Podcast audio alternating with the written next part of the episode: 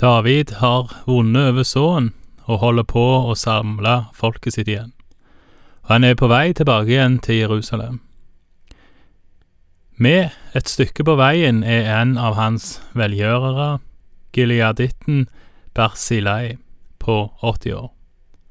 Vi leser fra Andre Samuels bok, kapittel 19, vers 31. Gileaditten Barsilai var også kommet ned fra Rogelim for å sette over Jordan med kongen og for å ledsage ham et stykke på veien. Barsilai var meget gammel, 80 år. Han hadde sørget for mat og drikke til kongen under hans opphold i Manahajim, for han var meget rik. Kongen sa da til Barsilai, Dra med meg, så vil jeg sørge for deg hjemme hos meg i Jerusalem. Barsilai svarte, Hvor mange dager og år kan jeg vel ennå ha å leve, at jeg skulle dra med kongen opp til Jerusalem? Jeg er i dag 80 år, kan jeg vel nå skjelne mellom godt og ondt, eller kan din tjener smake hva jeg eter og drikker, eller kan jeg nå lenger høre på sanger og sangerinner? Hvorfor skulle da din tjener lenger være min herre kongen til byrde? Bare for en kort tid kan din tjener gå med kongen over Jordan. Men hvorfor skulle kongen vise meg en slik velgjerning? Kjære, la din tjener vende tilbake, så jeg kan dø i min egen by, hvor min fars og min mors grav er. Men se, her er din tjener Kim Ham. La ham få dra med min herre kongen, og gjør med ham som du synes. Da sa kongen, Kim Ham skal dra med meg, og jeg vil gjøre mot ham som du vil. Alt det du ønsker av meg, vil jeg gjøre for deg. Så dro alt folket over Jordan, og kongen dro over. Kongen kysset Barsilai, og Barsilai velsignet ham og vendte tilbake til hjemmet sitt. Denne Barsilai nevnes ikke mye i Bibelen. Bare her, og som referanse og forfar for ei presteætt. Men det er verdt å få med seg han allikevel. Der står at han er en av Davids velgjørere. Han har støtta David og folket med mat og forsyninger, og David ønsker nå å gjengjelde noe av dette. Men Barzilai han er gammel, og han takker nei. Og før de skilles, så kysser David han, og Barzilai velsigner han. Ofte er det sånn at det er den som er overordna, som velsigner den som er underordna, og kan en oppfatte det sånn, så er det en virkelig stormann som David her tar avskjed med. Tjeneren til Bersilei, Kimham, blir med videre over Jordan. Vi leser videre fra vers 40. Kongen for over til Gilgal, og Kimham dro med ham. Hele Judas folk førte kongen over, og likeså halvdelen av Israels folk. Men da kom alle Israels menn til kongen og sa til ham, Hvorfor har våre brødre, Judas menn, stjålet deg bort og ført kongen og hans hus og alle hans Davids menn med ham over Jordan? Da tok alle Judas menn til orde og sa til Israels menn, Fordi kongen er oss nærmest, hvorfor er dere harme for dette? Har vi vel tæret på kongens gods, eller har vi hatt noen vinning av ham? Men Israels menn svarte Judas menn slik. Ti ganger større del enn dere har vi i den som er konge, og slik også med David. Hvorfor har dere da foraktet oss?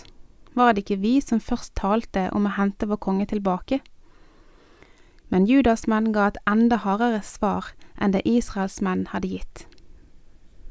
Her stopper kapittel 19 med at David er kommet over Jordan og er på vei mot Jerusalem. Før vi begynner på kapittel 20, så legg merke til at det spisser seg imellom Judas stamme og resten av Israel. Det kan med fasiten i hende tolkes som ett av de mange oppspill til splittelsen som skal komme etter kong Salomo. Det får vi komme tilbake igjen til seinere. Nå leser vi videre fra andre Samuels kapittel 20, vers 1. Nå traff det seg slik at en fordervet mann som het Sheba, sønn av Bikri, en benjaminitt, var til stede der. Han blåste i hornet og sa, Vi har ingen del i David og ingen lodd i Isais hus. Hver mann til sine telt, Israel. Da forlot hver mann av Israel David og fulgte Sheba, Bikris sønn. Men Judas menn holdt fast ved sin konge og fulgte ham fra Jordan like til Jerusalem. Igjen viser spenningene mellom Juda og Israel seg. Nå er det Sheba som blåser i hornet og får med seg Israel. Juda følger David heilt til Jerusalem. Vi leser videre fra vers tre. Så kom David hjem til Jerusalem, og kongen tok de ti medhustruene som han hadde latt bli tilbake for å ta vare på huset, og lot dem bo i et hus for seg selv under varetekt. Han forsørget dem med det nødvendige, men gikk ikke inn til dem. Der satt de nå innestengt til sin dødsdag og levde hele resten av sitt liv som enker. Dette lille og litt inneklemte verset imellom krig og borgerkrig er avslutningen eller resultatet av Absalons synd når han går til sengs med farens ti medhustruer. De er, så langt jeg forstår, ganske så uskyldige. Og det er David som bestemmer at de skal være igjen i Jerusalem i utgangspunktet, virker det som, og det er Absalon som forlanger å ligge med dem i et telt på taket. Nå betaler de prisen med å bli behandla som enker til de dør. Det kan være en påminnelse til oss. Våre handlinger får konsekvenser på godt og vondt. Selv om handlingene blir tilgitt av Gud og mennesket hvis de skulle være syndige, så må vi sjøl og andre leve med konsekvensene av handlingene. Sånn var det for eksempel for Batseba. Uria, mannen hennes, han var like død om David ble tilgitt så òg for de kvinnene som Absalon forgrep seg på. Om Absalon søkte tilgivelse eller ikke, det vet vi ikke. Jeg tror kanskje ikke det, han blei jo drept i selve slaget, men uansett, det er imellom Gud og han. Uavhengig av hva som skjedde imellom Absalon og Gud, så lei disse kvinnene en annen skjebne. De blei behandla som enker. Vi leser videre fra vers fire. Så sa kongen til Amasa, Kall Judas menn sammen for meg innen tre dager, og møt så selv fram her. Amasa dro da av sted for å kalle Judas sammen, men han drøyde lenger enn den tid som var fastsatt. Da sa David til Abishai, Nå kommer Sheba, Bikris sønn, til å gjøre oss mer ondt enn Absalom. Tar du din herres menn og sett etter ham bare han ikke alt har funnet befestede byer og har sluppet unna oss. Så dro da Joabs menn og livvakten og alle de djerveste stridsmennene ut etter ham. De dro ut fra Jerusalem for å sette etter Sheba, Bikris sønn. De var nettopp kommet til den store steinen ved Gibeon. Da kom Amasa imot dem. Joab hadde våpenkappe på. Utenpå den hadde han et belte om livet og et sverd i sliren som var festet til beltet, og da han gikk fram, falt sverdet ut. Og Joab sa til Amasa, Står det bra til med deg, bror? Og så grep han med sin høyre hånd fatt i Amasas skjegg for å kysse ham. Men Amasa tok seg ikke i vare for sverdet som Joab hadde tatt i hånden, og Joab stakk ham med det i magen, så innvollene rant ut på jorden. Han stakk ham ikke mer enn denne ene gangen, så var han død. Deretter satte Joab og hans bror Abishai etter Sheba, Bikris sønn. Amasa blei sett til hærfører over Davids hær like før. Joab hadde da blitt degradert, og Amasa blei forfremma. Joab drepte Amasa i kaldt blod. Om det var en ordre fra David fordi Amasa ikke hadde holdt tidsfristen, det er uvisst. Hvorfor Joab blei Degradert er vel heller ikke beskrevet. Kanskje var det fordi han talte kongen midt imot angående Absalon. Det vet jeg ikke, det blir spekulasjoner. Joab rydde i alle fall Amasa av veien med et kyss og et sverd i magen.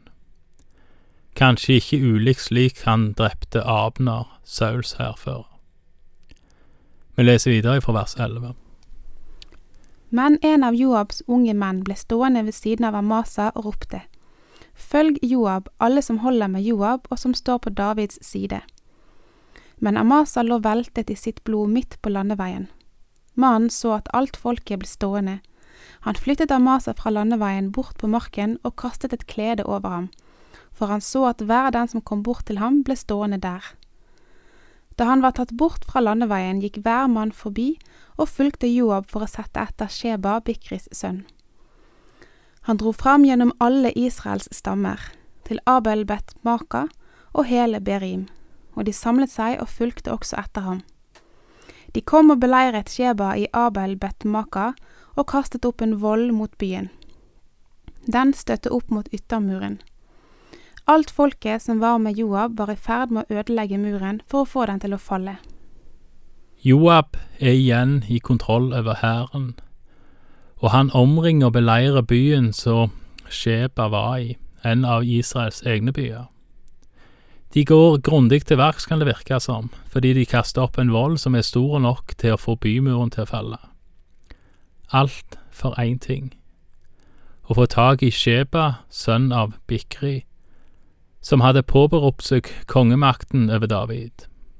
Det var Absalon som starta opprøret, og det var slått ned. Men kanskje kan det tenkes at det maktvakuumet som dette skapte, har fått Sheba til å øyne en mulighet. Uansett, borgerkrigen Absalon utløste har kosta mange liv allerede. Enda flere kunne gått tapt hvis det ikke var for ei klok kvinne. Det skal vi komme tilbake igjen til seinere. Takk for i dag, og Herren være med deg.